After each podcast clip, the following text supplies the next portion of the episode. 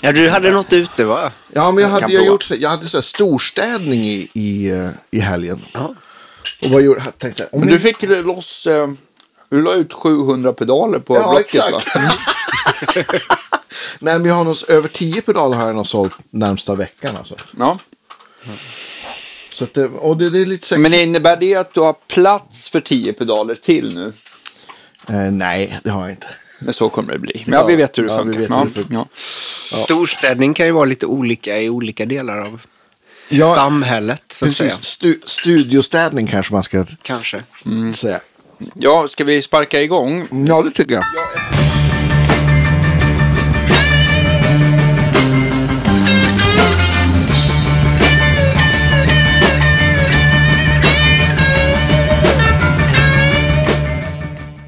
Ja, eftersom jag inte uppfattade ditt efternamn så känner jag mig så jättedåligt för, eh, förberedd helt Förjobbad. enkelt. Ja, jag, jag klagade på mina intervaller igår att jag, att jag är seg. Danne såg så trött ut så jag frågade hur är det Danne? Och då sa Danne att jag har kört intervallträning. Ja, igår så. Ja, Tufft. ja så att jag... eh, jag- Löpintervaller. Nej, cykel. Inomhus. Det är, nästan, det är nästan svårt att göra cykelintervaller utomhus. Om man inte gör långa intervaller då. Men så här äh, 30 sekunder full fart och sen så 15 sekunder vila. Och hur korta var de här intervallerna? Alltså det var... eh, Alltså 30... Eh, 30 sekunder, eh, alltså maxeffekt vad jag Ja. klarar i fem minuter då. Så sådana 30 intervaller med 15 sekunders vila. 13 sådana på raken. Och Just sen det. så vila fem minuter och sen så 13 sådana på raken igen. Vila fem minuter och sen 13 igen. Och sen slut. Men det finns inte någon... Det, här, det, Det, det är liksom inte, det blir, man kommer inte upp i maxpuls då, men man, men man blir, man blir ja, det, var, det var ett tag sedan jag gjorde dem där, så jag är helt sänkt idag. Men Men det är inte det som kallas norska intervaller? nej, norska fyror är lite annorlunda. Då, då kör man fyra minuters sjok, Just det, det är längre fyra pass. stycken sådana. Och eh, det blir, eh, den, den är också, den är, den där är också sjukt jobbig. Den här, den här är däremot, det är däremot samma effekt för att man vill träna upp sitt eh, VO2 max, som det heter. Ehm, och ehm, ja, vad nördigt det blev är på en helt annan. Underbart. Välkommen till cykelpodden gott folk. Nej men, Och jag eh, äter prinsesstårta. ja, jag käkar prinsesstårta nu. Men du, du, borde- du får äta Nej prinsesstårta. men i alla fall, den, inte. den är också, eh, norska fyror är jättebra. Absolut, mycket bra. Det är min värsta form av träning, intervallträning alltså. Ja, men det är den värsta. Det, det ger Men- ju. Men är det den bästa? Eller vad ger den? Ger den kondition eller ger den liksom explosivitet? Eller? Eh, jag tycker att den är, den är nödvändig. Den, man ska inte bara köra sådana intervaller. Men om vi säger att du har mindre än en timme på dig att träna, då är ju intervallträning det bästa tycker jag. Ja. Ja. Så att det, liksom, det är svårt att... Eh, annars är cyklingen så här att du ska komma upp i mängd timmar. Även om du inte behöver ta i så blir det så här att man bygger upp Just antal blod, röda blodkroppar och så vidare. Så där. Men ja, Mm. jag är ingen expert. Är man, det är bättre att eh, höra av sig. De, aktivitus är ju bra. De Okej. kan svara på allt sånt där. ja. Men det är inte därför vi är här. jag får. Nej, Vi är här för att utvärdera prinsesstårtor. Eh, och jag gillar ju när det är syltlager i. Jag blir så glad, för det ska inte vara det i prinsess. Men man blir alltid glad när det Ja, är ska det. det inte vara det? Nej. Nej. Jag har lärt mig, vi har hållit på här i tre minuter och jag har lärt mig hur mycket som helst om saker som jag inte visste att jag skulle lära mig. Det är underbart. Många strängar på lyrandarna. Ja, men exakt. Ja, precis. Ja, men det är, ehm, det är. Men nu har det ju varit, jag måste säga tack och lov att jag har haft eh, otroligt ehm, eh, uppsving på gitarrintresse, nörderifronten. Jag fasiken, eh, det var länge sedan jag utvärderat så himla mycket grejer och mickar och högtalare och förstärkare och sånt där. Så att jag, jag eh, och jag sitter med gitarrer hela dagarna och skruvar och svarar på frågor och hjälper eh, snälla kunder. Men det, då är det skönt att ha ett annat intresse att liksom växla om med tycker jag. Ja. Så att det inte bara blir gitarr 24-7, Ja, ja, visst. 365. Ja. Så att jag, jag behöver det avbräcket. Det gör vi allihopa. Ja, du har ju kolonilotten. Ja, kolonilott, precis. Och hund. Precis. Vad har du Jakob? Jag jobbar med fågelskådning. Asså? Eh, och eh, viss, vi- skidåkning Ja. eh, tycker jag om. Längdskidåkning. Ja. Klassiskt eller skate? Helst klassiskt. Ja. Eh, jag har en familj som har gått över på skate här för vallaförarna i Stockholm när det ligger runt noll lämpar sig ju för att eh, åka skate. Då slipper man hålla på liksom med, med. Ja, just det. Eh, men jag eh, själv gick i andra hållet och köpte så här skinsskidor. Så att Ja, då har man okej. alltid lite halvbra fäste i alla fall. Ja, just det. Men, eh, Men skinsskidor, de, eh, de ska man väl valla också, men då är det som under foten har man lite, lite hud. Precis, Då, då. då, Mm. då behöver du bara sköta om glidet. Och, och det, kan du, det är ju lättare att fuska med glidet lite än att inte ha något fäste så att säga. Just det, just det. Ja, inte fäste är ju inte kul. Nej, det är inte kul. Jag har ju också börjat med eh, längdskidåkning för att, eh, med skate då, för att ha någon intresse på vinterhalvåret när man inte kan cykla annat än inomhus. Mm. Eh, men vad svårt det är. Ja, Det, det är lite teknik att byta mellan växlar och, ja, och det, få till det. ja jag, eh, jag kände mig som en riktig ny... Jag blev lite knäckt faktiskt. Ja. Ja. men det, Men jag, kommer, jag tävlade ju alltså i jag kanske, får, jag kanske, du kanske kan visa mig lite i alla fall. Om du kan lite. Jag kan skicka hit min son så Ja, kan han ja, köra. ja. Han, han, tränar Han på är det. välkommen. Mm. Jag tävlade i längdskidor fram tills jag var 12. Efter det stod liksom gitarren över totalt. Men, men då var det så att vi, jag tror inte att vi fick tävla. Vi fick liksom inte skata förrän man började sjuan eller något sånt där. Tror jag det var då. Jag vet inte varför det var så. Det kanske bara var någon regel som, som Texanspojkarna som jag åkte för hade kommit på. Men jag har ingen aning. Det är en sån här dum idé som att man ska börja med nylonsträngad gitarr innan man får börja spela elgitarr i sjuan. Eller? Ja, exakt. Ungefär lika dumt tror jag. Crawl lär vi oss inte heller i Sverige. Nej, det Man har du rätt i. Mm. bröstsimmar i, i, och det är väl kanske någon slags livräddningstanke runt det, att man ska liksom Mm. spara kraft. Men, men i stora delar av, jag tror den engelskspråkiga världen så jobbar de med crawl som Ja, första simsätt. Ja. Jag vet inte varför, men det måste ju vara någon sån här Ja, uthållighetsgrej. jag. Ja. Absolut. Du, Jakob, du har släppt en platta, är det inte Nej, så? du ska snart Du ska? släppa. Jag, Typ idag. Tanken är att den ska komma upp här om några timmar Ja. på lite olika eh, Så, medier. Så, så att ni som lyssnar på det här, det här är alltså dagen in, det här är onsdagen, dagen då, då Jakob släpper sin eh, EP, är det va? Ja. Under namnet Melkowitz. Och eh, ja, precis. Imorgon, är ni som hör det här, då är den släppt, då finns den ute. Så ni behöver inte vänta. Men vi får vänta, kanske fram till lunch. Precis. Vad har du satt för releasetid? Jag tror att det är klockan 15 som ska vara Ja, släpptid. kul. Jag hoppas att jag skrivit rätt med alla. Man, man har ju en aggregator och så Mm. ska man i med rätt ISRC-koder för att det ska funka och sådär. Och sen så säger de bara, nu det här ska funka. Och sen får man ju bara vänta och Ja, tro hoppas. att den poppar upp. Berätta, vad är det du ska släppa för någonting? Det är en soloskiva. Ja, det är en EP som eh, är döpt till Tasmanian Tiger. Eh, fyra låtar, varav det har varit en jättelång process egentligen från eh, 2016, 17 någon gång tror jag eh, Ja. de första grunderna las.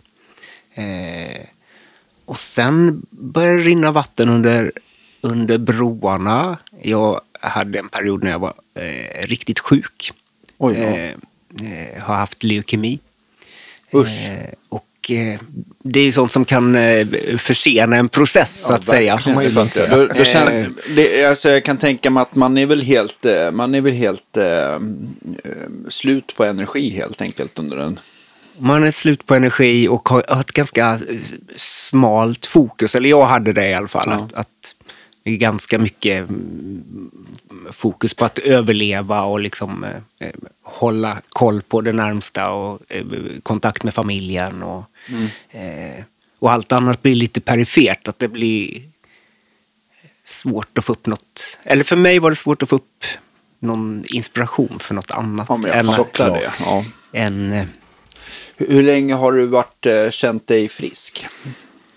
Jag har varit frisk i fem år Mm. snart. Eh, Och, då, och, och då blir det inte som att det tvärvänder med inspiration, utan det tar väl lite tid att liksom känna att man kommer på banan igen, eller? Ja, det känns som du har koll på det här, Danne. Nej, men jag, giss, jag Ja. killgissar på Ja. ett... eh, På ett eh, som jag brukar göra. jag men jag, i- min, min hobbytolkning är att liksom, när man går in i ett, ett sånt trauma så liksom är det mycket man stänger av. Eh, Och sen behöver man liksom bearbeta det här under en ganska lång tid för att liksom öppna upp en slags känslighet som man kanske behöver för att eh, skapa musik och, och liksom eh, vara mitt i det där. Och, och, och det tror jag att jag fortfarande kämpar lite med, att, att det går lite trögare med, med just de, den här att ge sig hän åt sin inspiration och bara Ja, låta visst. saker hända. Eh, Känner du att, du har, att, du har, att låtarna är annorlunda? För det här är ju låtar då både från före du var sjuk och efter. Liksom. Ja. Känns, är- känner du liksom att de är skillnad på liksom, både hur du har skrivit och vad de handlar om? Och, eller? Jag tror att det är ganska samma. Eh, Men kanske mer att det, min egen inställning eh, till musiken och låtarna på något sätt har eh, förändrats. Jag har varit en ganska orolig själ när det gäller att och liksom, blir det här bra? Hur blir det här? Eh, Nu, nu tror jag att jag har mer en känsla av att vad kul att det blev en låt. Eh, Det här Och du tar lite mindre steg liksom. Ja, ta, ta, kanske mm, känner lite mindre allvar i det där, utan blir mer glad över att här blev det en låt. Ja, men Eh, visst. Om, om, inte så noga om, om folk tycker att den är jättebra eller inte. Men skönt också med EP-formatet då, för att just då liksom, det, det, att just få ihop en, ett helt album sen, det är ju som, det blir ju ganska mycket brantare Ja, det är det ju, definitivt. Att bli klar med. Tycker det är svårt också att veta nu för tiden hur man... När man var ung så hade man ju en tydlig bild av det där albumet man skulle göra och, och släppa och det var så stort. Och Ja, visst. nu ser musikbranschen ut på ett annat sätt. Och, och vet inte om jag kommer släppa några album Nej. mer. Nej, men det, det känns ju som att de flesta släpper låtar och, och EPs. Ibland så samlar man ihop låtar till EPs eller album. Eller. Kanske också lite så här beroende på genre. Jag tänker att de liksom hårdrock och metal-polare jag har. Där känns albumet fortfarande som ett, liksom ett format som är Men å, viktigast. åker de också eh, på turnéer och, och säljer CD-skivor i Europa Ja, fortfarande? vinyl och kassetter också. Ja, just det. Kassetter har ju blivit hippt. Inte bara i, i rockvärlden. Men. Nej. Fascinerande Men. Ja, men det är det ju verkligen. Ja, men de, de, de säljer ju jättemycket både fysiska skivor och merch på sina gig. Vilket är kul. Underbart. Ja, verkligen. N- när, eh, när kom du på, för att du har ju, du har ju, du hade ju ett band förut, eller hur? Om vi backar tiden lite så här. Vi, vi, kan väl, vi, vi fortsätter prata om, om, om, om din release, sen kan vi backa ännu längre bak tänker jag. Men när tänkte du så här, äh, men, äh, men jag ska göra det här själv som ett, ett soloprojekt istället för att göra det liksom i, i bandformatet? När växte det fram? Ja, men det är nog där någonstans runt 2015 eh, som jag förstår att jag vill prova något annat. Jag har alltid varit bandmusiker och eh, spelat mycket med samma personer eh, och trivts i det formatet. Men eh, det var någonstans, ibland, ibland eh, Tom Petty är ju en av mina hjältar. Ibland tänker jag på hans karriär. Han-. Ja, verkligen. Ja, eller hur? Eh, hans koppling till Heartbreakers, de har liksom alltid funnits med. Men ibland märker man att nu har det varit en process som har varit lite jobbig med det här albumet. Nu ska jag göra ett eget album. Ja, och så, och så, Ja. så gör han ett eget album, men så är det ändå Ben Montench och Campbell som är med och spelar Precis. någonstans. Och lite så är det kanske för mig också. Att eh, jag kände att nu vill jag äga den här processen lite mer Mm. eh, tydligt. Eh, Men, eh, men har du skrivit alla låtar helt själv eller har du skrivit med någon? Nej, jag har skrivit eh, allt själv. Eh, jag tror att, att mitt sätt att skriva är mycket li- liksom... Man hittar någon, någon klang, något sound på en gitarr och sen utifrån det skriver jag. Jag har provat att co-writa en del. Men jag... eh, Mm, jag tror att jag behöver träna mer på det. Att, Ja, det är väl andra muskler liksom. lite så. Och då kan jag också, om man jobbar med någon så kanske man också känner att man vill ha med sig något och kanske att man så här, vill göra klart något. Är man själv så kan man kanske så här, ja men jag har gjort en halv vers som blir ganska bra. Eller jag har skrivit text på två verser men jag har inget mer. Så kan man, det blir kanske en, en mindre prestations, på, för, just för att man liksom, träffar man någon så är liksom så, vi ska skriva en låt. Det kanske känns mer, jag vet inte. Jag tänker också, en del verkar ju ha en personlighet där man blir, om man kollar på eh, lite så här popskrivare idag, där man är topline eller någonting. Just det. Just där att kunna gå in i nästan vilket sammanhang som helst och förstå att min funktion är den här, det här gör jag bra. Eh, det tycker jag är lite häftigt. Men, men jag tror att om jag ska skriva tillsammans med någon så behöver det vara mer mm, någon slags känslomässig connection. Att man Ja, är visst. trygg med den andra personen. Jag tror inte jag har en personlighet som kan gå in och bara göra min grej riktigt. Nej. Eh, om, om vi eh, också, jag blir lite så här nyfiken för jag har ju inte träffat dig förut så att jag har ju ingen aning om vilken genre det ens är, vilken setting det är på bandet. Eh, vad, vad kan du berätta om de här fyra låtarna? Mm. Eh, men det är låtar skrivet på akustisk gitarr eh, eh, och arrat eh, för band med eh, trummor, bas, gitarr framför allt. Eh, har väl spelats in ganska gammeldags, eh, lagts grunder live och sen eh, har vi lagt på sång och gitarrer i efterhand. Okej, vilken, vilken studio la ni grunderna i? Vi var uppe i, eh, hos Martin von Schmalense. I, eh, han hade Denna på- gigant. Denna Ja, gigant. Ja, Mm. Eh, han var ju uppe runt där eh, Höga Kusten och hade Mm, studio det är väl då. förbi Härnösand där precis va? Ja, men precis. Eller typ i de. Nordingrå kan det heta Ja. så. Han har ju pendlat lite fram och tillbaka mellan Stockholm och, och Stämmer. Ja, Höga Och- Kusten, och vet nu är han väl mer permanent eh, här neråt tror jag. Just det. Mm. Eh, så Han vi var uppe där. utanför Sundsvall på någon folkis också tror jag. Just det. Ja, jag ja. tänker att det var Härnösand eller något. Ja, kanske. det var det säkert. Kan det ja, just det? En studiolin, studiolinje där. Just det. Eh, nej, men så jag åkte upp med, med eh, min vapendragare Viktor Buck, en, en gudabenådad gitarrist. Victor borde vi ha alltså. Ja. också. Han borde komma hit och Ja, det prata. får du styra upp, Ja, det ska jag styra Ja, upp. bra. Eh, Han har mycket att komma med på gitarrfronten. Alltså. Mm. Eh, Hasse Sjölander, en trummis. Och Samuel Laxberg, en... eh, Folk som du känner bra. Ja. Basisten känner jag inte. nej. Men själva, Hasse, Ha- Hasse och jag spelat. har ju spelat i 25 år. Herregud. Ja. Sa jag gudabenådad om Hasse också, annars säger jag det här ifall han lyssnar. Det tycker jag att han kan ha. ja, det tycker jag med. Ja, mycket bra.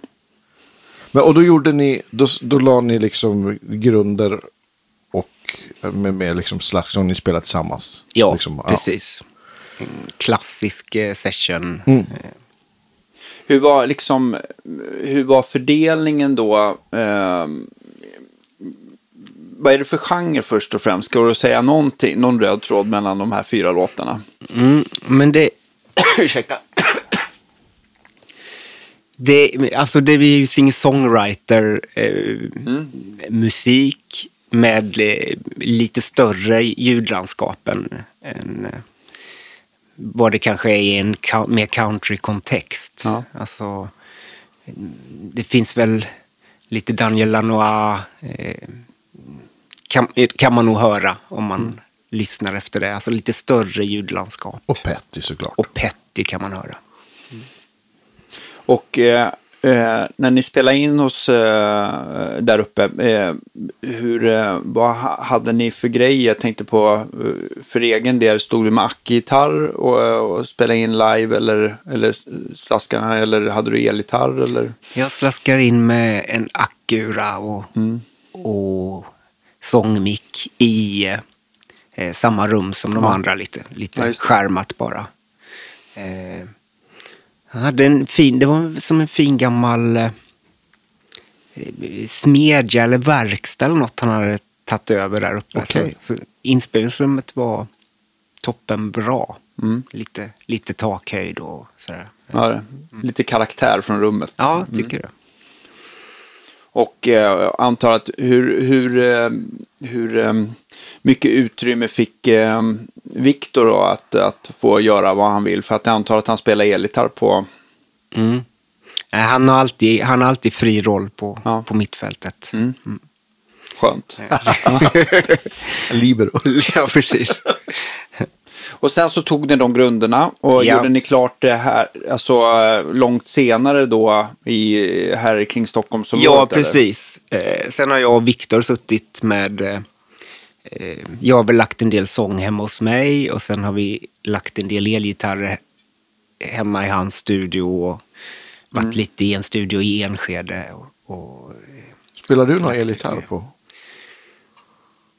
nej, jag tror inte jag gör det. Vilken, vilken, Kanske någon liten part någonstans, men, Ja. men i princip inte. vilken eh, för din egen del, vad är det för acke du har använt? Är det samma trotjänare eller har du växlat mycket under de här fyra låtarna? Jag har växlat lite grann, men, men mycket, om, om, om det är så här fingerpicking-grejer så har jag en eh, eh, sån här guild som, eh, vad kan de heta? M1 kanske? Den här Nick Drake-gilden med liten Lite mindre. låda. Ja. Just det. Mm. Eh, Mahogny, kropp. Mm. Eh, den trivs jag väldigt bra med. Mm. Och eh, stämmer gärna ner ett, i S eller någonting så, så klingar den väldigt fint. Vad, vad tycker du är skillnaden på om man stämmer ner? Men det, ibland känns det som att när, om du har den i E så är- är det som att den inte riktigt eh, sjunger på.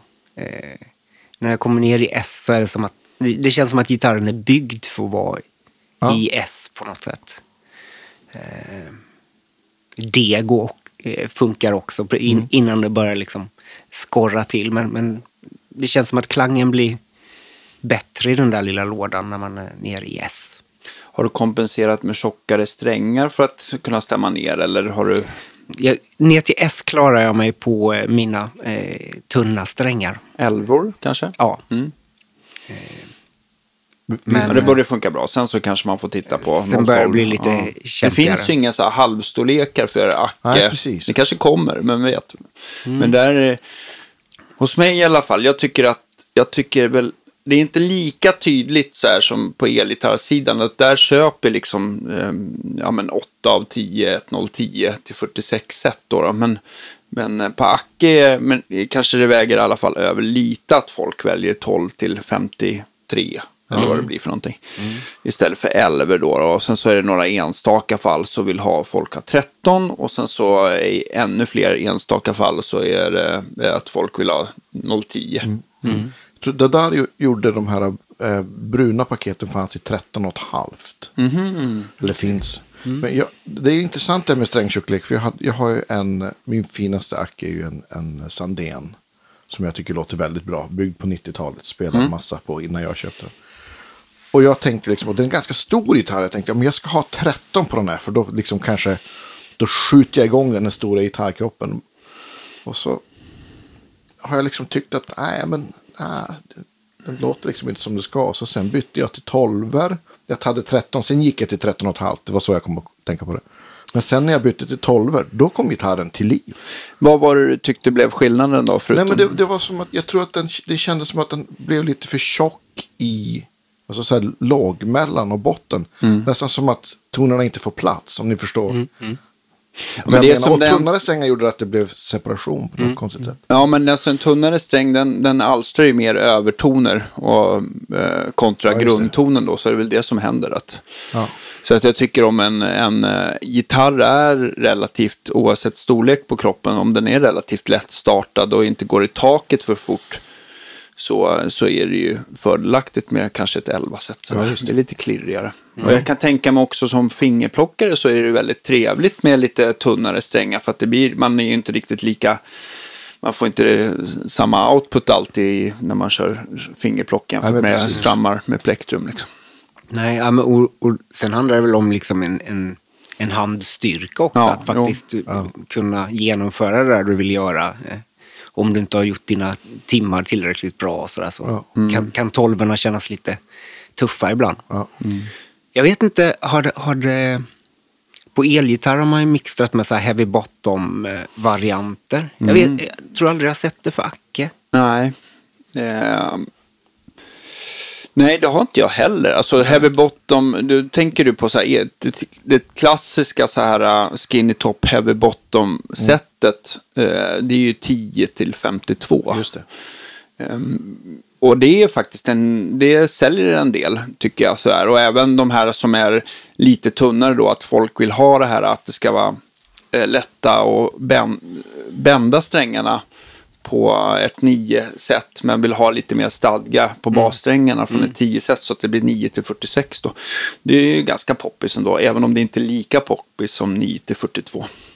Men inte, jag tänker det är inte helt orimligt att tänka att man Nej. skulle ha... Eh, Men jag tror att det är på grund, alltså man vill ju ha tunnare strängar för av bänd, alltså Precis, att folk vill ja. bända sådär. Och eh, en annan grej med ackesträngar att det är ju till, eh, till 99,5 procent alltid en spunnen G-sträng som är ganska, den, Mm, det. den får man ju bända mycket längre för att komma upp ett Ja, helt herregud. eh, tonsteg. Än vad en plain sträng är. Man börjar inte på den, va? Nej, nej det blir, då får man ju verkligen vara, jobb, då får man ju Ja. vara stark i underarmarna. Men eh, så att jag tror att det kan vara lite det sådär. Jag, jag har sett, jag, jag köpte någon gång på, vad heter den eh, fantastiska gitarraffären, de som anordnar mässan i Göteborg också numera. I. Number one. Number one, ja precis, hade något brand, där det var tvärtom, det var liksom resonator. Och han sa, ja men du, du som spelar mycket slide och resonator, du ska ju testa de här.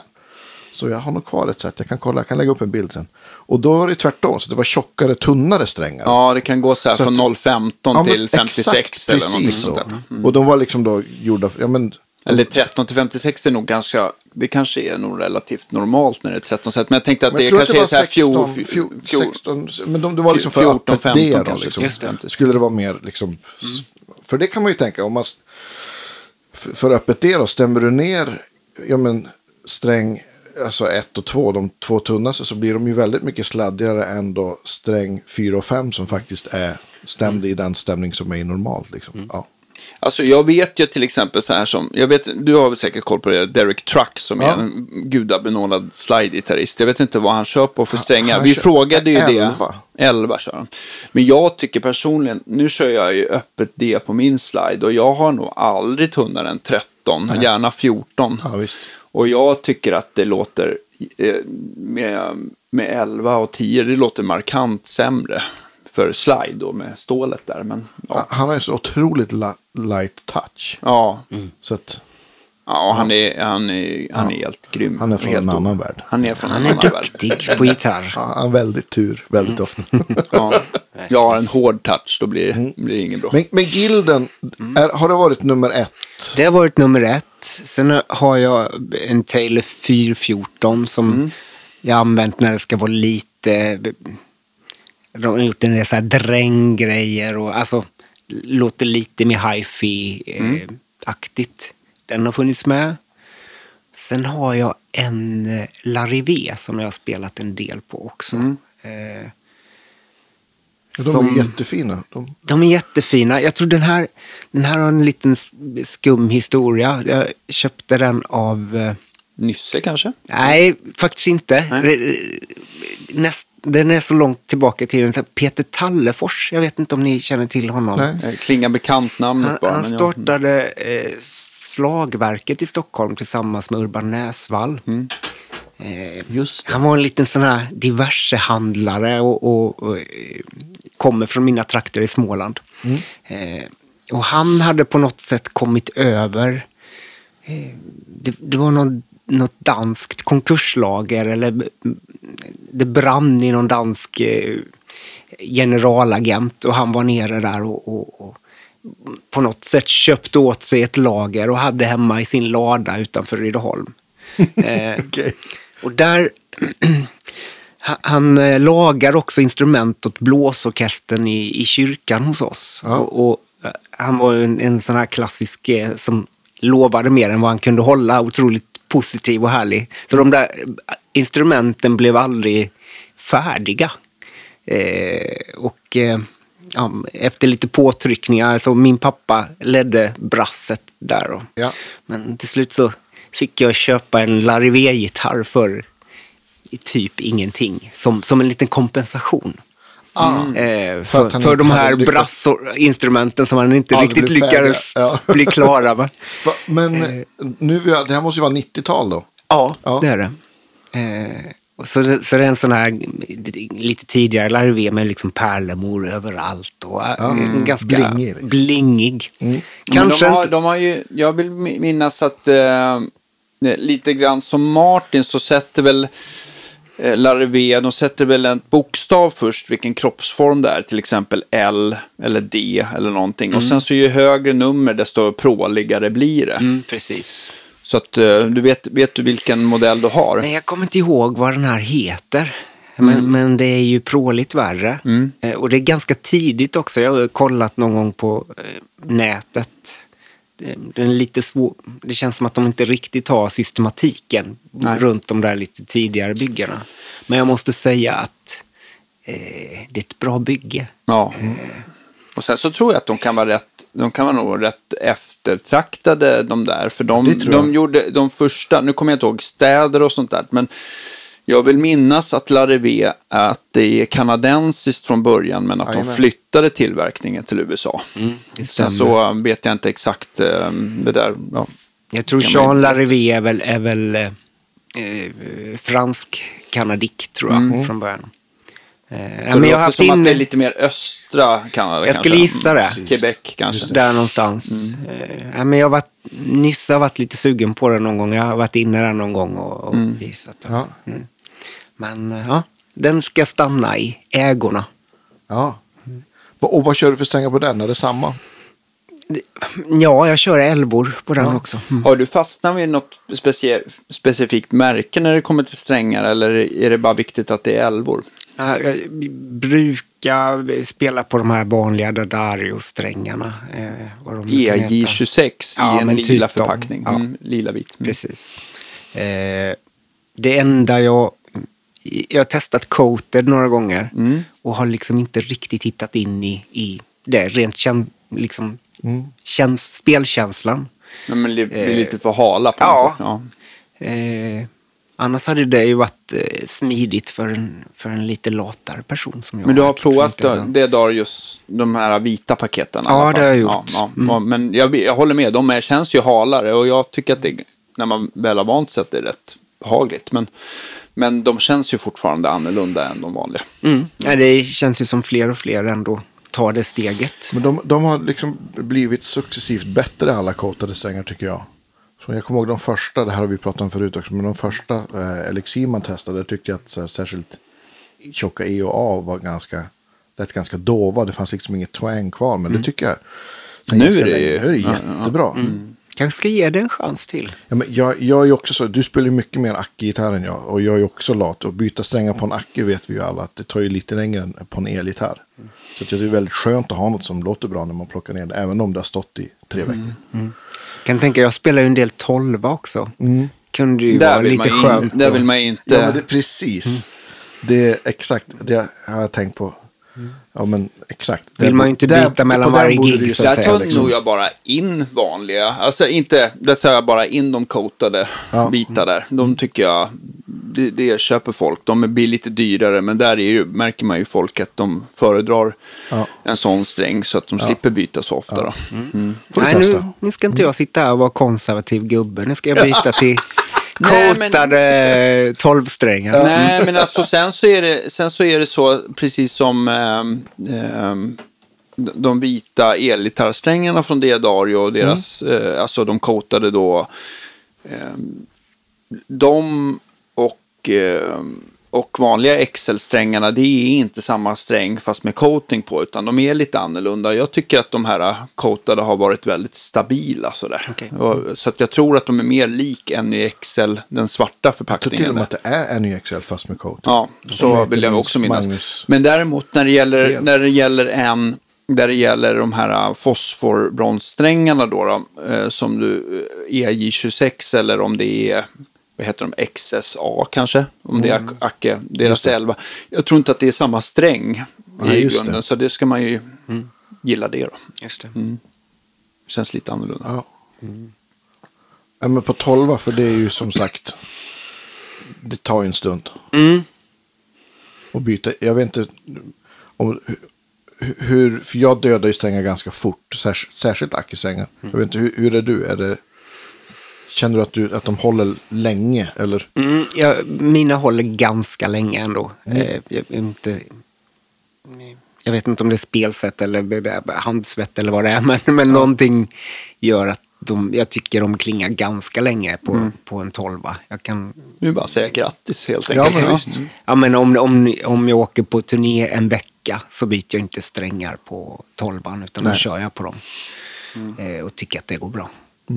När det kommer, när det kommer så här, äh, jag förstår när du spelar in studion är en annan sak, men, men äh, när du är ute på turné, har du valt liksom samma mixsystem i alla gitarrerna du tar med eller har du favoriserat olika på olika gitarrer? Så? Ja, jag har lite olika på olika gitarrer. Eh, och sen om det är hur medvetna val det är kan man diskutera. Men men de som jag eh, strammar lite mer på eh, brukar jag ha någon form av eh, ja, mer, inte konding-mickar utan mer piezo eller någonting sånt. Eh, och de som jag ska fingerpicka på försöker jag ha någon mick där man i alla fall kan blända med någon, någon konding eller så. Ja. Mm. Eh, en, nu är jag ju ingen, ingen bra gearslatt. Vad heter de här finska... eh, är de inte finska, de här Acke-mickarna? Eh, Nu står det helt stilla. Finska. Hittar jag på nu? Jag vet inte. Är det, är det en kontaktmick eller är det en... Var, är det, det är inte en ljudhållsmick. Nej. Alltså Ah. nu, nu vet jag inte, nu vet jag ju liksom inte vad som är finns och inte, men det som man installerar mest är ju LR Bags, men det är ju inte finsk vad jag vet i alla fall. K&K är väl inte finskt heller. Nej. Du tänker inte på Erlund? Nej. Nej, det är svenskt. Ja, det är Dalarna. Eh, och sen så är det ju Fishman tror jag också amerikanskt. Sen så är det lite så här, sen så finns det väl ju andra tillverkare, Ja. men det där är ju de Precis. liksom lite större sådär tycker jag. Och jag, jag har väl, eh, nu ska vi se, jag har den här, mm, fish, i min Larvi har jag en sån här Fishman, eh, en ljudhålsmick med konding från... Ja, just det. eh, Den heter väl Rare Earth Earth. Blend? Ja, Ja, precis. Så Jättebra. heter den. Eh, den tycker jag funkar ganska bra. Eh, sen har jag ett LR Bag-system i eh, eh, min guild. Och Taylor kan jag tänka mig att det är deras egna. Taylor har jag deras egna. Men sen i, i tolvan har jag då det, mm, kan heta B-band? Biband. Ja, är det inte det. finskt eller? Det vet jag inte. Vet du vad, det kan det nog faktiskt vara. Men, men Biband den, har man inte sett så himla mycket de Nej. sista åren Nej, tycker jag- jag. Det var ju liksom lite mer standard förut sådär. Precis, jag vet inte om de, om de finns längre ens faktiskt. Men, men då ska jag säga eh, som ett tips att, att som på de här strumming-grejerna tycker jag att den, min upplevelse är att den är den som funkar allra bäst på Ja. liksom, att plocka upp strummet på ett bra sätt. Ja. Bättre än eh, Fishman-micken. Men det jag vill komma också till med alla de här olika mixsystemen. Eh, tycker att det är, även om det går att ratta fram bra ljud, har det varit problematiskt att, att, ehm, att liksom växla gitarr för, för front of house, att det, att det blir samma ehm, EQ eller, eller volym eller gain eller sånt där. Så att det, att det, Ja, det är ju alltid problematiskt Ja. det där. Eh, nu, sist, nu ska jag ju re, eh, releasekonserter här ikväll. Eh, och nu har jag faktiskt kört i eh, Helix Stomp. Alltså eh, olika gain settings och EQs För varje gitarr. För varje Ja. gitarr. Smart. Skitsmart. För att liksom ha en, en, åtminstone en jämn signal ut till att, att börja med. Eh, ibland har jag också labbat med eh, att köra eh, stärk och ha en stark signal och en eh, line-signal på Just ackorna. För, just för att kunna få lite grit i vissa grejer som ska igenom i strum och så. Wiesewskowski gör Kanske. alltid det. Ja, okej. Till exempel. Ja, ja. Ja, jag har sneglat lite på eh, Leven, John Leventhal. Ja, just det. Precis. Han brukar också Ja, labba lite med det där. Vilken, vilken stärk har du kört då? då? Då har jag kört i en, eh, eh, den här AC15 Voxen. Ja. Eh, den lilla ja- japanska, tänker jag. Mm. Kinesisk. Ja, precis. Men det, jag kan tänka, oj, sorry. Eh, jag kan tänka mig också att det blir väl ganska bra för att jag menar, ackgitarrer, de, eh, man behöver inte så stor eh, stärkare för att det ska bli feedbackproblem på Ja, scen, visst. tänker jag. Så att man kanske inte vill, om man nu ska ha lite grit och lite överstyrning så är det kanske bra att ha en stärkare som, som, eh, som spräcker lite tidigare. Ja, men precis. Mm. Eh, det blir, jag vet inte hur... Alltså jag har aldrig ut, hört det utifrån hur bra det blir. Men, men min känsla är att det kan vara gött att lägga på den där lite ibland på någon refräng och få, få lite näsa i någonting som behöver igenom. Och så. Men jag, jag tror också att det blir lite så här, men, att bara att ljudet, att det blir en annan ljudkälla fast från samma instrument. Just där man tänker sig linad gitarr är ju alltid någon typ av kompromiss. Jämfört med att micka upp liksom, eller bara spela akustiskt. Så jag tänker att det blir, att man blir gladare för att det, ja, men det, precis som du säger, det blir ett ljud som kanske har lite kompression och lite, lite någon typ av överstyrning som gör att det känns lite mer levande kanske. Eh, Men jag tänker i den här Line 6-stompen, eh, lägger du till några effekter, typ reverb eller kompressor eller någonting på alla? Eller hur har du, försöker du hålla det så minimalistiskt som möjligt, mer än gain och EQ? Jag har väl varit lite, nu när det är fyra nya låtar så försöker man väl ändå lägga manken till lite. Så då, då är jag ändå... eh, Då har någon setting där byter, liksom, lägger på ett reverb extra på en refräng. Eller, alltså, eh, Just det. Jag har försökt göra hemläxan lite där. Och, och man, man vet att man inte kommer få någon hjälp när man träffar ljudtekniken för första gången. Utan, Nej, han kan ju inte dina låtar. Nej, Det, det man inte har gjort hemma får man, får man inte helt enkelt. Så, ja, men då har jag jobbat med eh, en kedja med lite ja, preamps och eh, någon lätt kompression, lite EQ och eh, eh, kanske något rum då. Eller någon, någon liten studs på någonting. Eller så här. Mm. Men sen så tänker jag också, det som är så lustigt precis med, med eh, högtalarelement till, eh, till elgitarrförstärkare eller vad det nu är, så kan jag tänka mig att alla mickar låter ju inte bra i alla gitarrer. Det blir så himla, alltså det finns väl ingen som är helt neutral tycker jag av alla mickar, utan de boostar väl vissa frekvenser och vissa frekvenser faller bort lite grann och det blir ju ibland väldigt lyckligt eller väldigt olyckligt i vissa Acke-gitarrer. Så att eh, jag kan tänka mig att eh, Alltså det är inte, vad jag vill säga är det är svårt att kora en vinnare på Acke-mixfronten. För alla har sina för och nackdelar och, Spelstilar. och, och, som- och eh, gitarrerna, det blir olika resultat i olika gitarrer. Men Visst jag, jag, jag har verkligen samma, eller liksom, som du, att om, man, om det är mer fingerplock så just, ja men jag har, jag har en sån rare in Weissenborn och det låter ju jättebra liksom.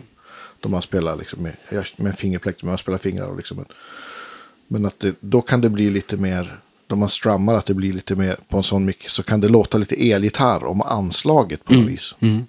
Men, men, och, men då man spelar strumming kanske med ett lite tunnare plektrum på en piezo-mick så låter det ändå ganska naturtroget.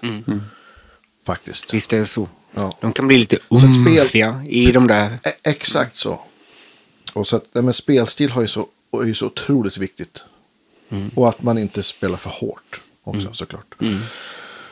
Verkligen. Jag, jag tänker, du, du skulle ju i Line 6 skulle du kunna göra du skulle kunna göra en parallell kedja med en, en stärk och skicka ut på en annan kanal till och med. Det är sant. Så det till skulle nästa man gig. faktiskt kunna göra. Mm. Sen tänker jag ibland så här också. Mycket jobb man gör för att... eh, Jag tänker Ackens eh, natur är ju liksom lägerelden och att man liksom... Att det finns en inbyggd eh, dynamik i och det är enkelt och så här. Och för att efterskapa det live så går man ju, behöver man ju gå emot hela liksom enkelhetstanken. Det tycker jag är lite... frustrerande Ja. ibland.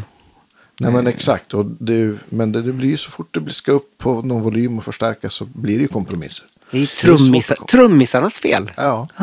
Vi uppfinner den här virveln som låter svagare. Det är det som är. Precis.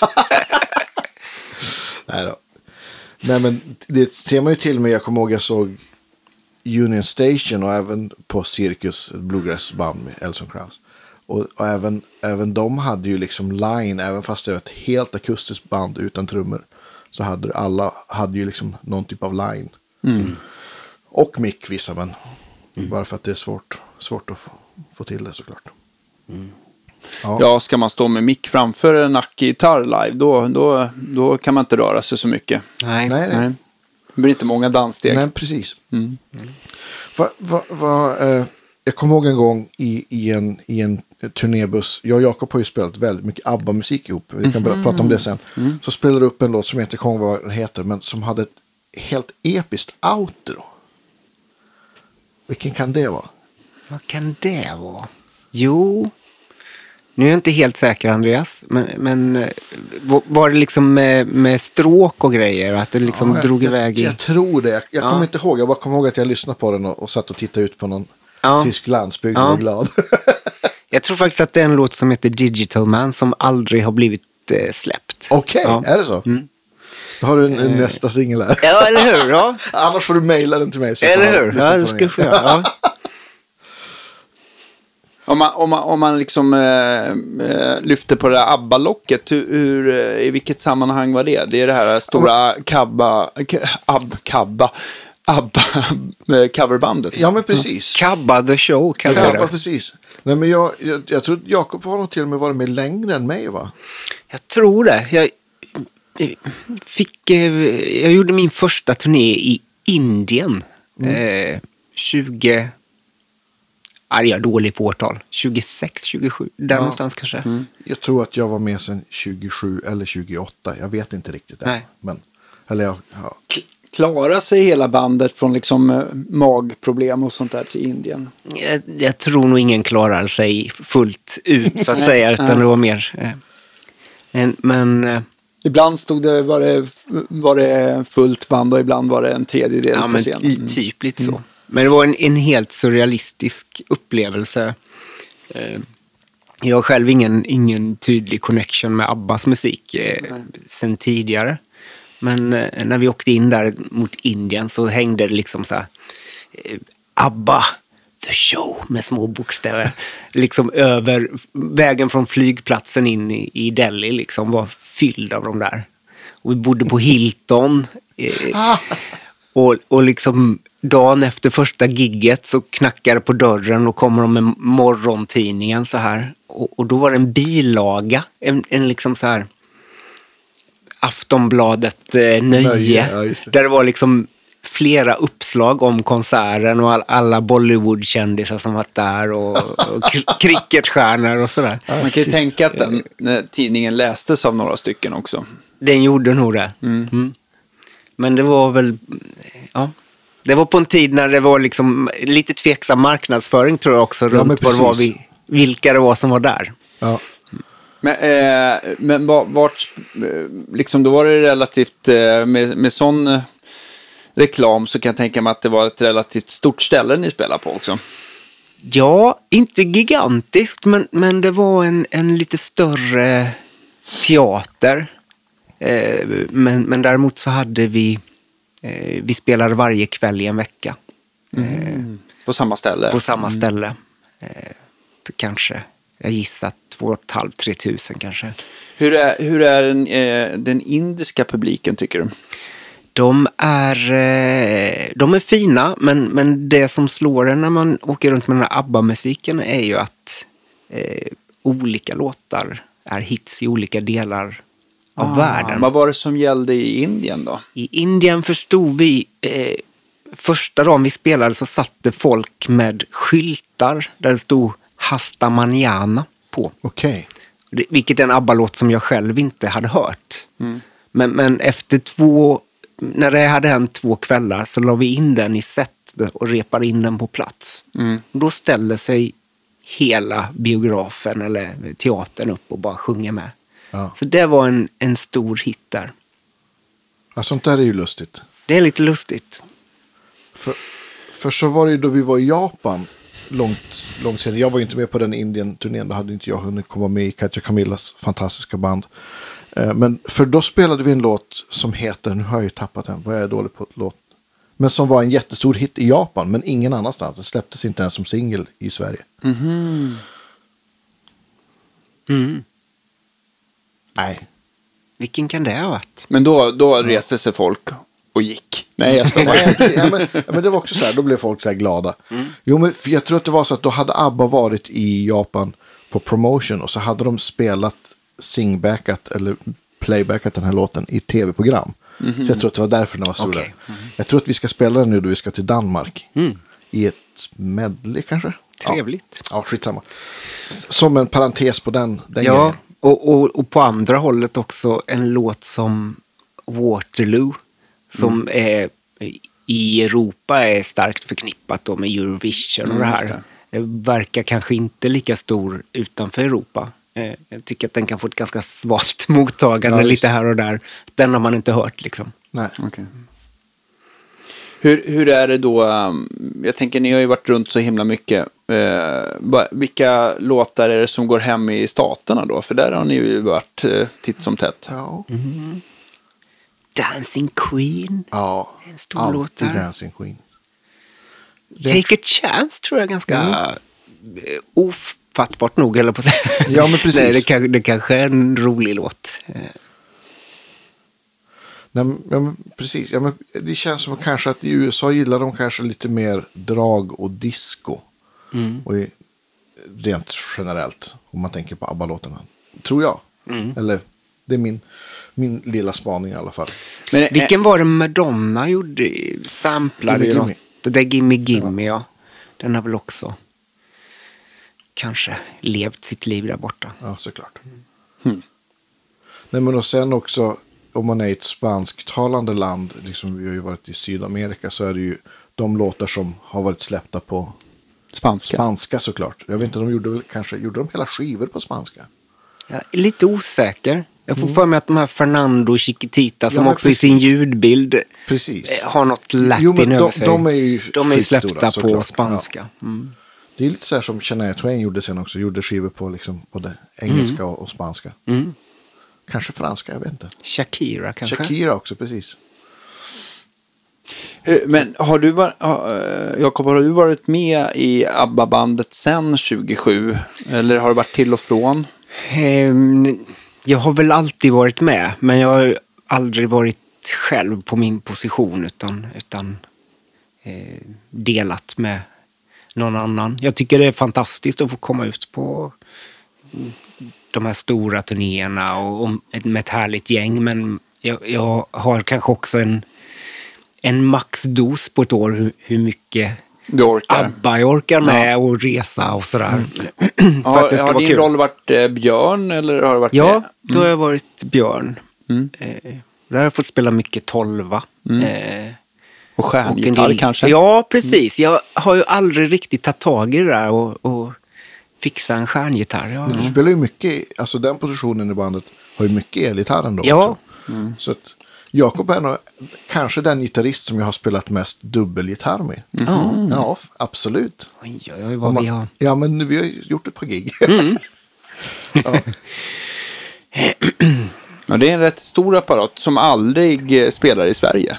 Näst, inte så ofta. Vi ska spela i Malmö i april. Ska du vara med då? Ja, då är jag med. Baltiska hallen. Men det är inte så ofta faktiskt. Det sitter ihop med en Danmarksturné, så Malmö är ju nära, så att det är väl därför det. Och det kommer danskar. Nej, de kommer nog till Köpenhamn. Där spelar vi dubbelgig. Är du med där? Kommer inte ihåg. Jag är med Nej. en vecka, första Ja. veckan. Ja. Nej, men, Malmö, det är närheten till kontinenten. Precis. skryter de ju alltid Ja, med. Mm. Där. vi måste ju prata om, för du har ju en... eh, Då jag tänker på dig så förknippar jag dig med två elgitarrer. Kanske framförallt din fantastiska SG. Vad är det för någonting? Ja, det är en SG som jag köpte tidigt 2000-tal på en pantbank. Ja, Eh, den är väl... eh, jag kommer inte ihåg exakt årtal, men det är en 60-talare. Eh, och man ser liksom att det är borrat för något slags Bixby-aktigt eh, stall. Men sen så är det eh, någon gång i, under historien så är det bytt mot ett så här rakt, eh, stabilt ja. eh, stall. Eh, I övrigt så tror jag den är original. Är den, eh, är den eh, valnöt eller är den cherry? Det är en cherry. Mm. P90s. Oh. Ja. Sån Eske special. alltså. Precis. Den eh, är ju, jag egentligen, jag har alltid sett mig som en teleperson. Men eh, den där är en sån himla player eh, och så härlig att spela på. Och så, inte så långt från en teletonalt. nej, ändå, faktiskt. faktiskt. inte. Eh, så det är nästan min eh, go-to-gitarr om jag bara ska plocka upp någonting sådär. Tycker jag den är trevlig. Ja, men alltså eh, P90 och eh, SG eller även på Les Pauler kan ju bli rätt. Te man kan ju få rätt mycket. Sådär. Mm. Inte så långt ifrån. Nej. Är det så? Och den har hållit. Den har, du, har haft, du har inte rört någonting i den sen, sen du jag köpte den. har haft huvudet av en gång när jag flugit med den. Eh, Hasse på Adlib har, har minst en gång, han lag, kanske två gånger att han har lagat den. De är sköra de där alltså. Ja. Ja. Och Hasse är ju faktiskt otroligt duktig eh, på att just restaurera eh, alltså, och lacka över och få det osynligt också. sådär. Men jag vet inte om han har lagt, om han håller på, vet du det? Ja, han har ju pensionerat sig och vad jag vet så är han nu så har han ju opererat. Eh, han har ju haft problem med händerna. Jag vet inte om det är för många. Är det karpaltunnel eller? Ja, jag, jag vet inte, men han har sagt att han, han, ligger, väldigt, han ligger lågt just nu i alla fall. Sen vet jag inte om han ska köra någon gång i veckan eller, eller, eller inte. Men det, ja, men det, men, eh, så att eh, det är väl lite osäkert att svara på den frågan om det, om det är, blir, eh, ja, han har pensionerat sig helt eller inte. Just det. Jag har i alla fall slutat checka in den där gitarren. Utan Ja. Jag tar den i gigbag och, och hoppas få med den på, Och det brukar gå bra. Det brukar gå bra. Ja. Och vad, vad kör du på den för strängtjocklek? Där kör jag tior. Också det, Darium. Ja. Just det. och Men när, när, ni kör, när ni kör live med ABBA, då är, då är det liksom Helix-stompar eller? Ja. Ja. Helix och helixstompar över hela scenen. Jag säga, på alla, alla gitarr och basposter. Ja. Ja. Och det är ju otroligt smidigt att att resa så. Och sen har vi ju ganska ofta eh, symfoniorkester med oss.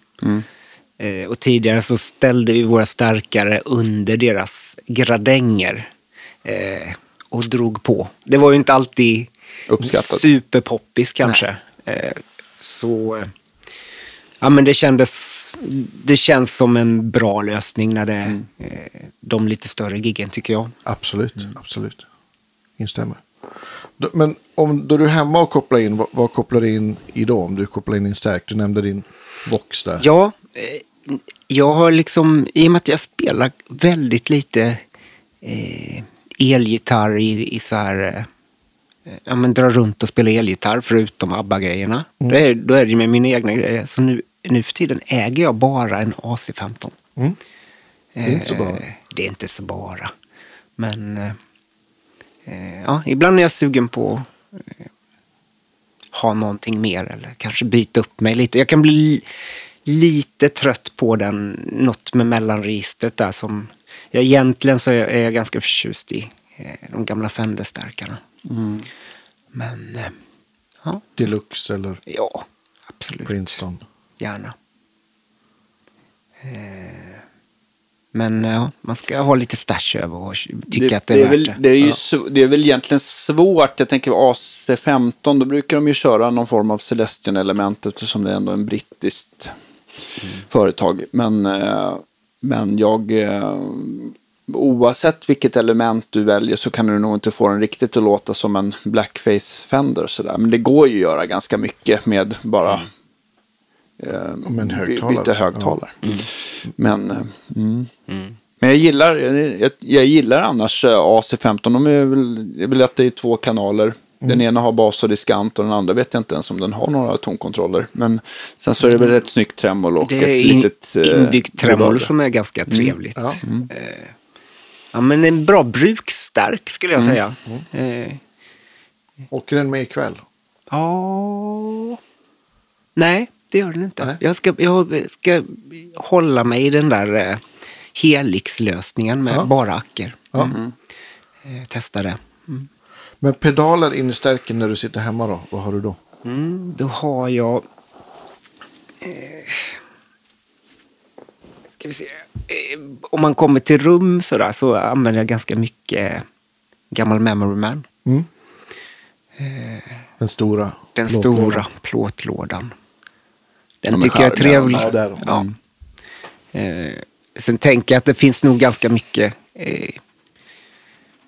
Det känns som om man backar tio år så behövde man den för att eh, den var liksom si, sitt eget rum. Sen har det hänt så mycket på, eh, jag hänger inte med i pedalvärlden, men det känns som Det, när man är hänger, in, det gör nog inte riktigt Andreas heller som Nej, är är inne i den hela tiden. Ja, det, Ja.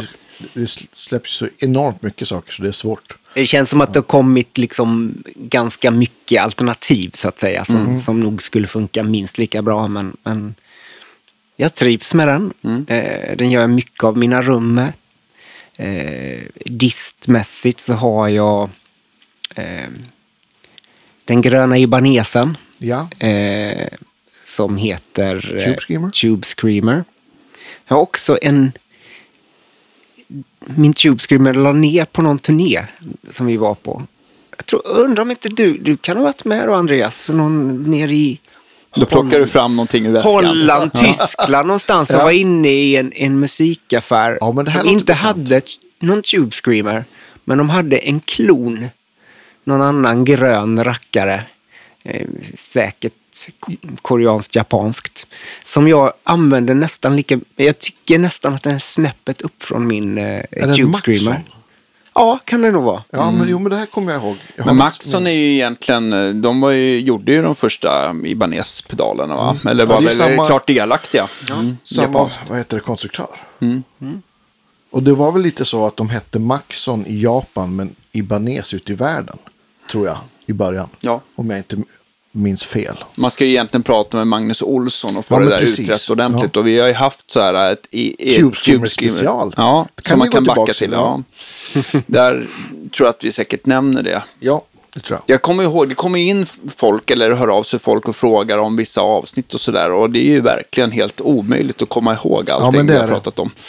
Men, eh, men eh, eh, finns det någonting att tillägga om Maxon i, i, så skulle jag tippa på att det avsnittet så avslöjas det. Verkligen. Jag sitter och tänker, det kanske finns någon sån smart AI som kan bara lyssna på våra program. Så kan man fråga AI. Det. Nej, vilket program nämner vi? Så bara, Ni nämner Greenback 10 314 gånger. kan man säga. Ja. Men man kan väl säga då som tillägg till er tidigare podd då att jag ändå slår ett slag för den här Maxonen. Ja. Eh, Att, att jag tycker den är minst lika trevlig som eh, eh, Ibanesen. Ja. ja, men det vet jag till exempel både Scott Henderson och Mike Landau gillade Maxon. Både Tube Screamer och SD9 bättre än Ibanez ett tag. Kommer jag ihåg. Men alltså jag har en, jag har en tidig eh, Tube Screamer i lådan här. Alltså en, eh, nu ska jag inte säga för mycket, men det är, en, det tror jag första året TS9 kom. Är det 81? Ja, 81 eller 82 där i alla fall. Och de där kunde ju komma med olika operationsförstärkare. Och det ska väl vara den som heter JC45 bla bla bla eller någonting 58. sånt där. 58, tack. Som, det är den som ska låta bra. Den här heter något helt annat och den låter bedrövligt. Alltså det, det, det, är liksom, det är det man, man, man bara, hur, du vet, skulle man bara lyssna på, ah, ska du prova en gammal Tube Screamer så skulle ju folk tycka att det här går inte att använda. Så att det kan skilja sig en hel del, för de bytte lite små grejer i den där. Och de där eh, 45-58, de går ju att hitta och sätta det, lite ja, och då beter den sig rätt. Va? Men den, ja, så det, allt är inte guld som glimmar. Nej, det är väl det man vill komma fram till. Vad, jag, jag kommer ihåg jag såg någon så här. För de där gamla Two Screamersarna, de kan ju vara så otroligt dyra. Det, det var någon som var, var så här. Steve Ray Vaughan ägd. Så då var det ju liksom, kostade den ju som en... Nu kostar det säkert 2,5 va? Ja, precis. Några nollor till bara. Så. Ja, ja men, eh, Men, eh, men efter, efter Drive då, har du någon typ av wobbel eller något? Något har jag väl. Äh, Alltså, jag har också en, en, eh, en eh, Forest Green kompressor som jag... Just det. Mad Professor. Ja, Mad Professor. Mm, en trevlig. Eh, det tycker jag funkar bra. Som lite sådär en första lätt kompressor för att ha en, en rimlig signal. Och, Använder du den i sustain eller i kompressorläget? och använder den oftast i sustain-läget. Eh, Det gör nästan alla. ja, det kanske är så. Mm. Ja, för då blir det en parallell kompression och den är inte så dum. Släpper igenom det här anslaget. Mm. Nej, men det, det känns ganska naturligt. Om man har lite sån på så känner man sig bara lite bättre än vad man är. Ja. Det behöver, nu är det många av oss som behöver ja. Det behöver alla, det är, en dag, det är dagsform bara. Men den, den är väldigt eh, en av, eh, jag tycker det var mycket från eh, med Professor, eh, eller som de gör som är väldigt bra. Men det där är väl Oh ja. det- en av de, jag kommer ihåg när man jobbade på Deluxe, då var ju det där en av, om folk var ute efter en kompressor så var det ju den man rekommenderade. Många basister gillar den. Ja. Jag har den till på ett ackebord till exempel. Det funkar klockrent. Så att, ja. Eller kommer du på någon som du tycker är bättre? För jag tycker One Control som Björn också ligger bakom, de har ju också kommit med några kompressorer. Men jag undrar om inte jag tycker att Forest Green har varit... Den blå är ju bra för att den kan göra EQ också. Där kan man ju blända hur mycket rent och kompress Ja. man vill ha. Så den är ju mångsidigare. Men Forest Green är ju mer färdig på något vis. Man behöver inte tänka så himla mycket. Nej. Kompressionen har jag aldrig jämfört så jag vet inte hur de står sig mot varandra. Eller jämför sig med varandra. Men, ja.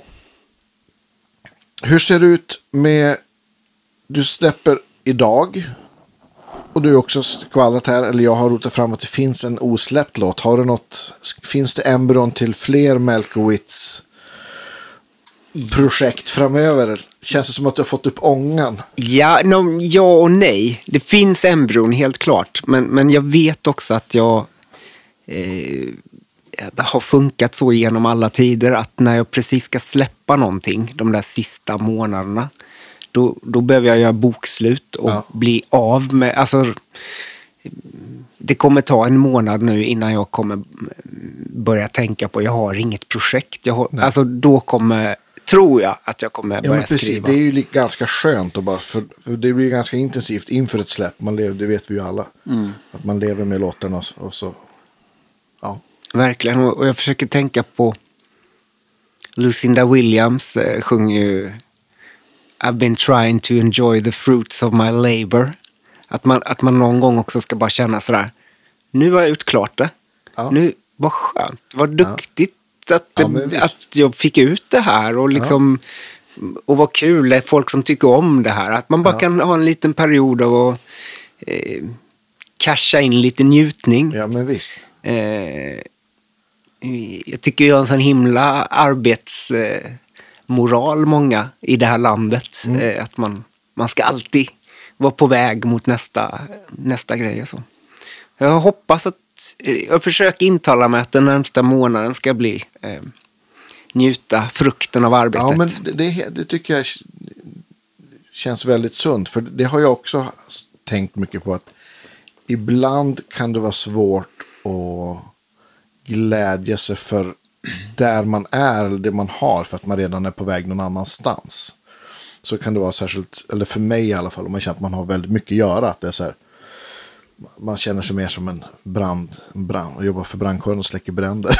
jo. och, och, liksom, och för något sånt kreativt som ens egen musik så är det ju tråkigt om det blir så. Så att, det, jag tror att det är en väldigt sund, sund inställning att kunna, liksom, som du säger, klappa sig på axeln och säga ja vad duktig jag är, jag har gjort klart det här. Är lätt att bli lite fartblind, tänker jag också. Så här, när, om, om man håller på och spelar och det går bra. Jag tänker på eh, en annan duktig gitarrist som heter Tobias Gard. Eh, spelar inte så mycket längre, men, men, men han, han och jag växte upp tillsammans. Eh, och gick musikhögskola tillsammans. Och en en dag så kom han så här lite trött till skolan och bara så här, så segt. Jag hade så sent gig igår med Michael Ruff på Fasching. och jag bara så men Michael Ruff, det var ju liksom, när vi var 15 var ju det, alltså du har gett din högra hand för att liksom få, få vara i samma rum som Ja, Michael. Ruff. Och nu Ja. så är du liksom trött. Ja. Eh, Skärp dig! Skärp dig! Fatta att det här är lite coolt. Ja. Eh, ja, jag tror att det finns någon liten läxa att lära där. Absolut alltså. Har du känt så Danne? Aldrig. Nej. Ja, Danne han ja, bara zoomar har- ut nu. Han Nej men att... det, det är, ehm, nej men jag, jag, nej men visst är det så. Alltså man var ju så, man var ju så otroligt eh, starstruck på ett annat sätt. Ja. När man var yngre sådär. Och, och, eh, och sen så när man kanske får spela med sina idoler. Jag kommer ju bara, jag kommer bara ihåg eh, liksom, man var ju liksom rädd att prata med vissa när Mm. man var liten och sen så nu eh, så är det som vilken kompis som helst. Ja, liksom, sådär. Så att det ja, är det stor skillnad hur man, hur man fungerar och tänker Ja, ja, nu visst. på ålderns höst. Ja. Nej, men ja, ja men det, jag kan känna igen mig i det där. Helt klart. En som jag, eh, som också varit med här, jag, jag följer emellanåt när det är liksom gitarrister som eh, slår an någonting hos mig. Och, och en av dem är Mats Ronander var en av mina Ja, visst. barndomshjältar. Att ha fått spela lite med honom och sådär, det, det känns ju jättehäftigt. Mm. Ett väldigt fint avsnitt som jag tycker man ska titta Absolut. när vi var hemma hos honom ja, men verkligen. på Skanstull. Precis. Rutger Fuchsgatan. Nu har han flyttat vet jag.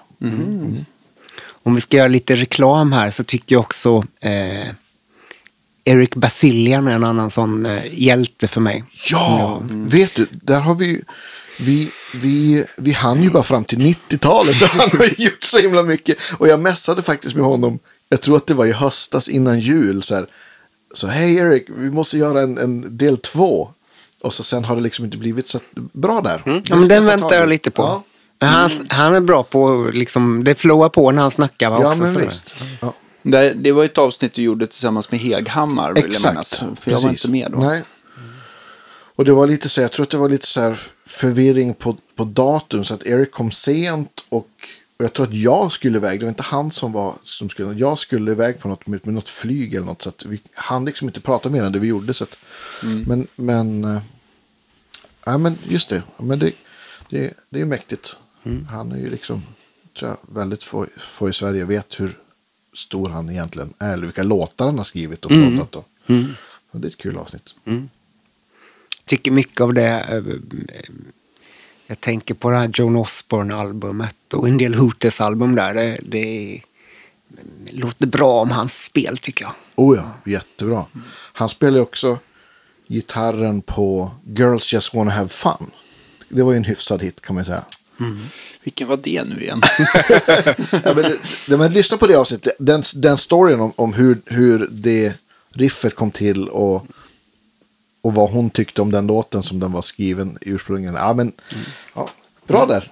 Kom, vi, precis som Danne säger, vi har gjort så himla mycket avsnitt så det kan ibland vara svårt att komma ihåg vilket avsnitt man pratar om vilka saker. Men där var det så här, där satt han två meter från mig och typ spelade Girls Just Wanna Have Fun riffet på en ackgitarr. Men vi spelar ju in mycket eh, av det här på grund av att vi ska ha någonting att lyssna på på ålderdomshemmet i framtiden. Ja, men precis. Det kommer vara det enda vi kommer ihåg. Hur var det nu? Ja, precis. Tänk den här, jag och Danne på samma ålderdomshem. Och så Mm. pratar vi inte, utan vi bara sitter och lyssnar på, på podden. Ja, Nej.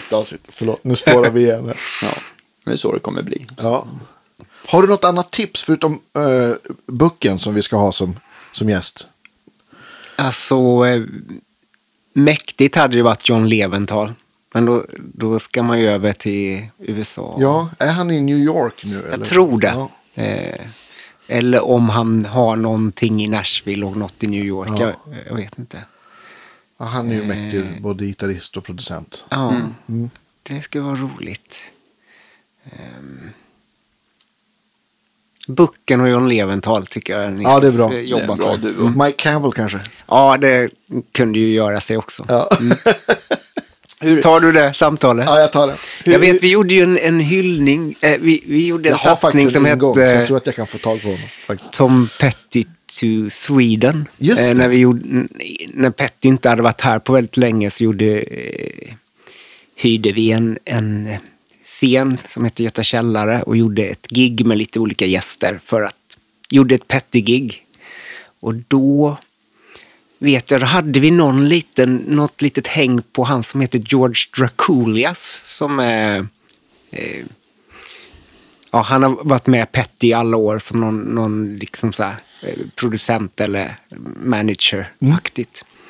Eh, Så han fick i alla fall del av det här att, att det var en, en Tom Grej. Petty-grej i Sverige. Och sen ett år senare så var ju Petty i Globen. Och Ja. så jag tror att det var min förtjänst, men jag är inte säker. Vi, vi bestämmer det, tycker Ja, jag. Det måste varit.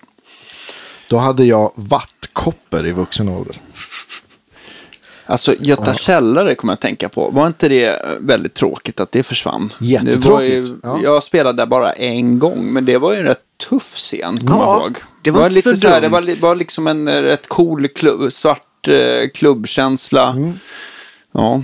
fanns ett ganska mm, bra PA som hängde där också Mm. eh, fast. Va, vad är det där nu? Alltså för er som inte bor i Stockholm, Göta källare är ju då alltså på Medborgarplatsen, Medborgarplatsen. i tunnelbanenivå. Under det som är då badhus och bibliotek numera som en gång var... eh, eh, Ja, men det var ju The, The Debaser Baser och... eh, ja. Mm. Och innan Faktiskt- The Baser hette det... Mm, ba, ba, ba, ba. ja, exakt. Faktiskt Mondo oklart. Nå, något tag var det ju nattklubb. Precis. Sen tror jag det var kyrka ett tag. Okej. Och nu har jag ingen aning. Nej.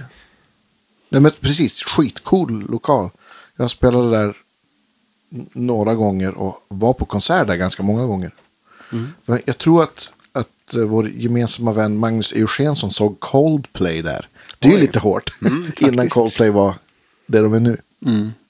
Jag såg ju John Mayer på Debaser Slussen. Det var ju också lite så här. The Baser Slussen, men, men eh, alltså, The Baser Slussen var väl ännu mera liksom rockställe än, Ja, än, än eh, Göta källare. Men jag tyckte, jag vill minnas att jag, Göta källare var rätt. Göte Källare hade ju allt, allt möjligt, allt, jättemycket olika musik liksom. Ja, synd Ja. att det försvinner Men- men coola du, har, ställen. du har sett, det var då du såg Petty, det var den gången. Ja, det är den gången. Och hade han inte kommit då så hade jag fått åka över tror jag och Ja. kolla. Vilket år gick Petty bort? Var det 21? Eller? Det var pandemitid va? Ja, eller 22? 21? 21 kan det nog ha varit. 21 kan det ha varit. Mm.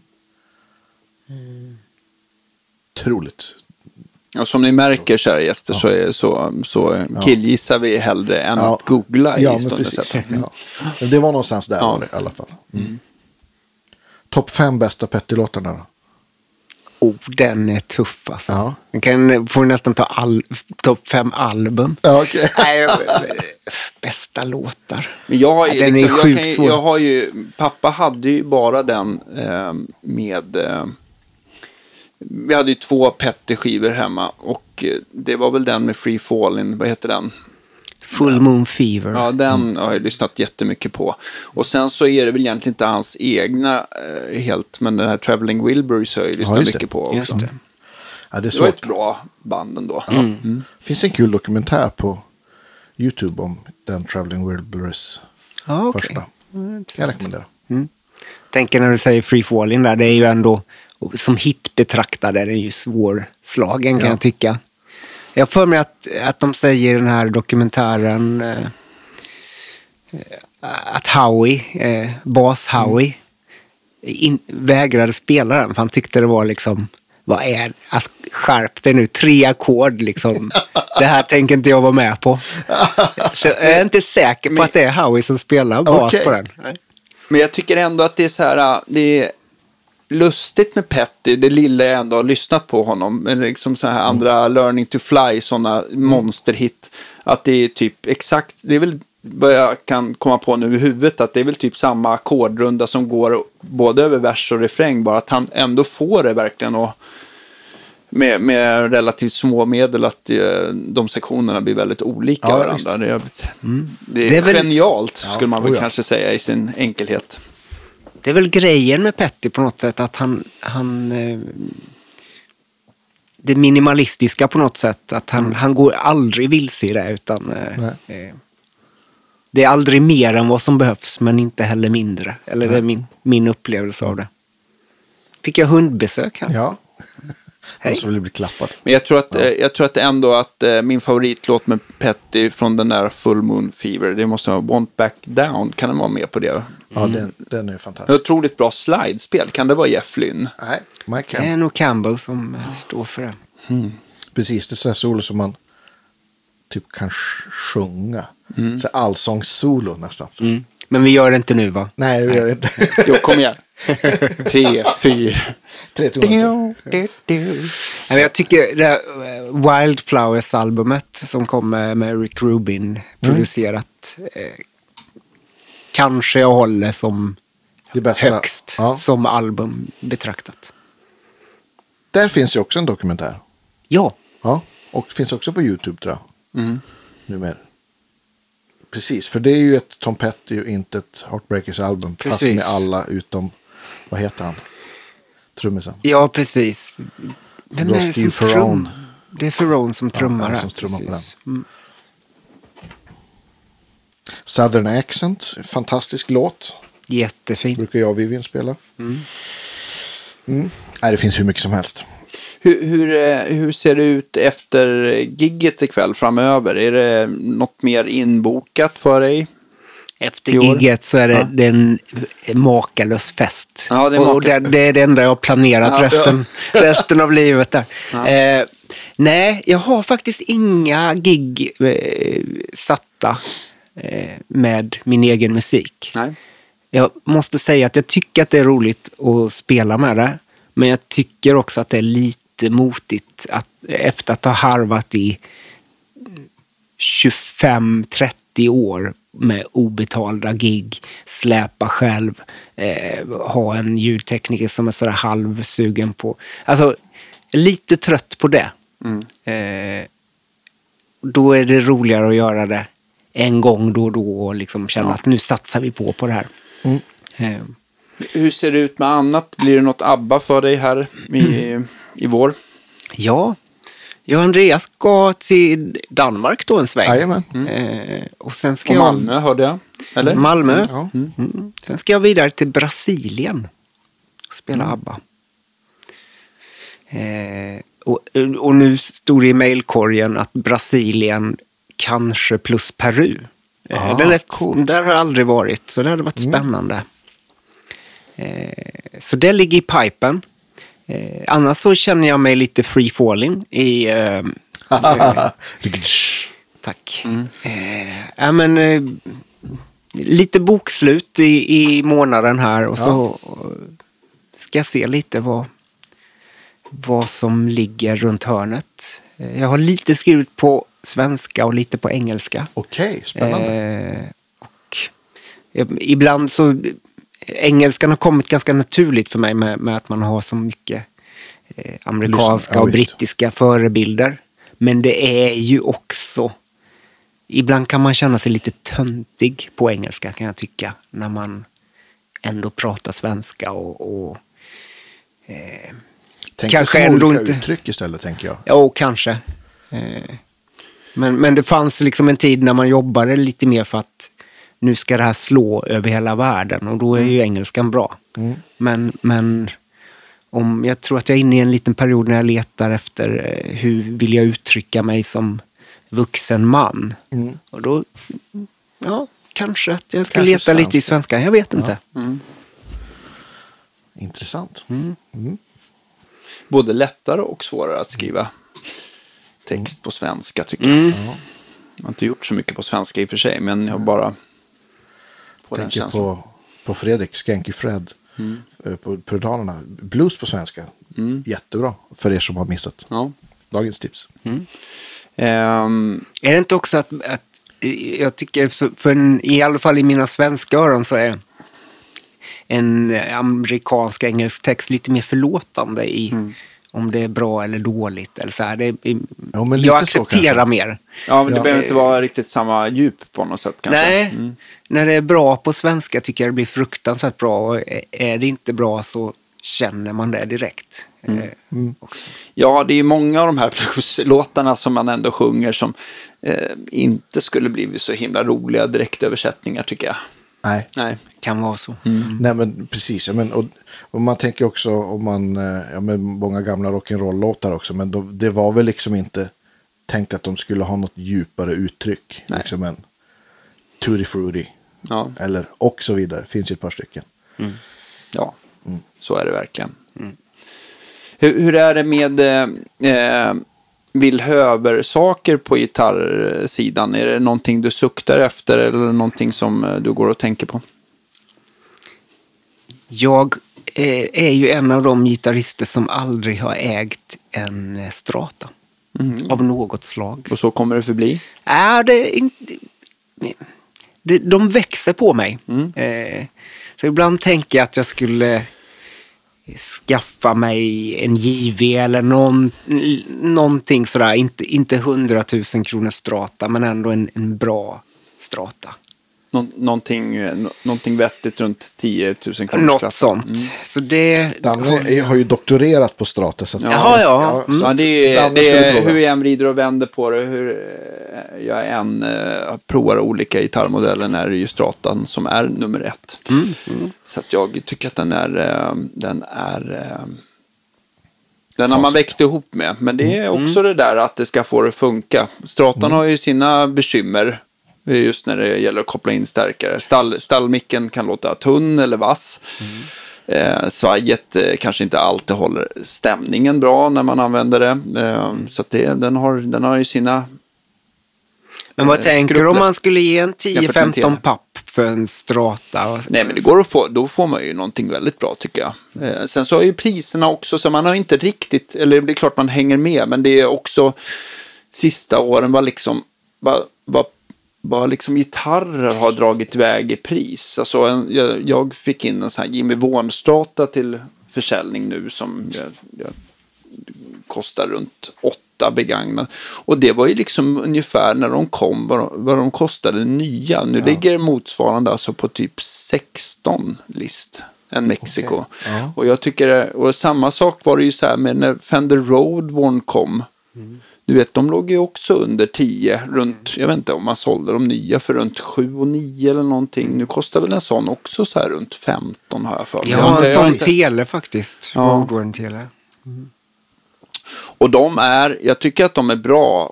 Eh, Det som, det som kan vara problemet med dem, det är väl att det inte, att, eh, att Fender är en så stor apparat så att de kan liksom kanske inte alltid få tillräckligt torkat trä. Så även om det är liksom rakt och snyggt när det lämnar fabriken så kan banden släppa lite grann. Så mycket man får liksom ehm, korrigera där med vassa bandkanter. Och det, det gäller ju faktiskt då även upp till custom shop-nivå att det är väldigt mycket, ja, var otroligt mycket slipa bandkanter Okej. på även fina gitarrer i år. Alltså. Dyra, så att det är, ehm, men, ehm, men, men ehm, de brukar vara, vara bra att banda om då. då så det kan man ju Men kosta det- på som man vill. Alltså, det, det var någon kompis som jag skrev med på Messenger som berättade också att de här uh, faded Les Paulerna från så tidigt 2000-tal när Mm. de nu kom. De har börjat dra iväg också. Ja. Eh, jag tror att det är av två anledning, anledningar. Faded-gitarrerna, de går ju eh, de kom ju liksom i sunburst och allt möjligt, men de hade en väldigt, väldigt tunn cellulosalack som går att polera upp så att den ser ganska cool ut. Den blir inte så här eh, gloss som en, Nej, som en, blir- som en vanlig Les Paul standard då. Men, men en annan grej det är att de är ju eh, ostade, det vill säga att de är lite så här urborrade eller lite chambered och då blir de ju inte så här vansinnigt tunga. Just så att det. oavsett en sån, vad du än köper så blir de ju oftast under 4 kilo. Vilket ändå är acceptabelt i Les Paul-världen tycker jag, att ha på sig. Så att jag tror att det är de två sakerna som gör att de... Och sen så är det många så här fader, oavsett om det är Les Paul, SG, Flying V. you name it som kommer in här, de är oftast väldigt resonanta och trevliga.